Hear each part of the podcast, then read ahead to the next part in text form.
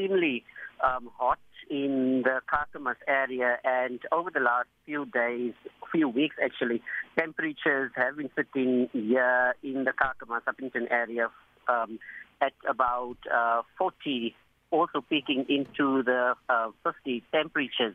And um, the doctor also said that one lady is still on the ventilate, ventilator. So the seventh person that died, um, um, the person actually died this morning um, at five o'clock.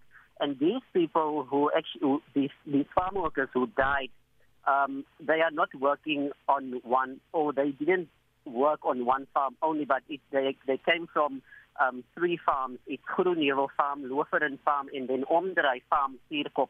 Um, so we are currently making our way to try and speak to the, uh, to the families uh, of those who actually uh, died uh, in, in during this this heat wave. But you also heard the doctor saying they that um, they've been in contact with with farmers to try and see if the farm workers can't um, change the working hours for these farm workers so that they don't work during these extreme um, weather conditions and also urging people um, to to stay out of the sun and uh, avoid basically vigorous exercises during um, this heat wave, but adding that they expect more people basically to come in um, while this heat wave persists. So, to that point, uh, Reginald, uh, Dr. George there expressed concern about uh, possibly more cases coming into the hospital this afternoon. So, has that been, uh, from what you could establish, how things have happened? Uh, people go out to work and then later in the day are brought to the hospital? Well, what we got from the doctor is that these people are working in the extreme um, hot weather conditions.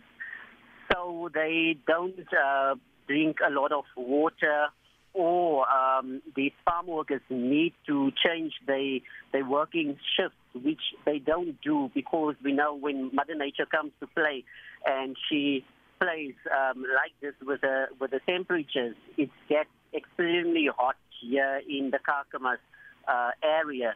So we'll just have to wait and see if more people are going to to go to the hospital for medical attention.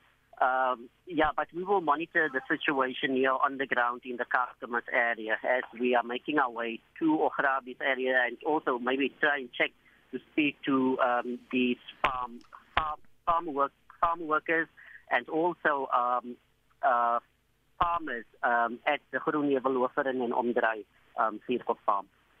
Uh, Reginald, I'm also just curious uh, whether Dr. George expanded on uh, when these workers were brought in. Um, were some of them brought in in conditions of distress? You know, uh, who or how did they get to the hospital? Who brought them in? Uh, was any of that clarified? Yes, Sakina. So some of um, these farm workers, they were brought in by um, they uh, em- employers. So the signs that um, they actually showed uh, was low, low blood pressure and unconsciousness. Um, the doc- Dr. George also said that some of them had heart and kidney failure, but we know that um, the three people um, were dead on arrival, and the other four um, died um, in hospital as um, they tried to resuscitate them and put them on ventilators, but um, they their attempts were unsuccessful. Has there been any word from uh, local government authorities on what's happening at the moment in the Kakamas area? Well, Sakina, we haven't heard anything um, except for that statement we got from the Northern Cape Health Department this morning confirming that five people uh, died, but we know that it's now seven. You also need to understand that in this area, in the Kakamas area, we are, uh, the, people are sitting here with the load shedding situation. And then also they have a huge problem um, with water.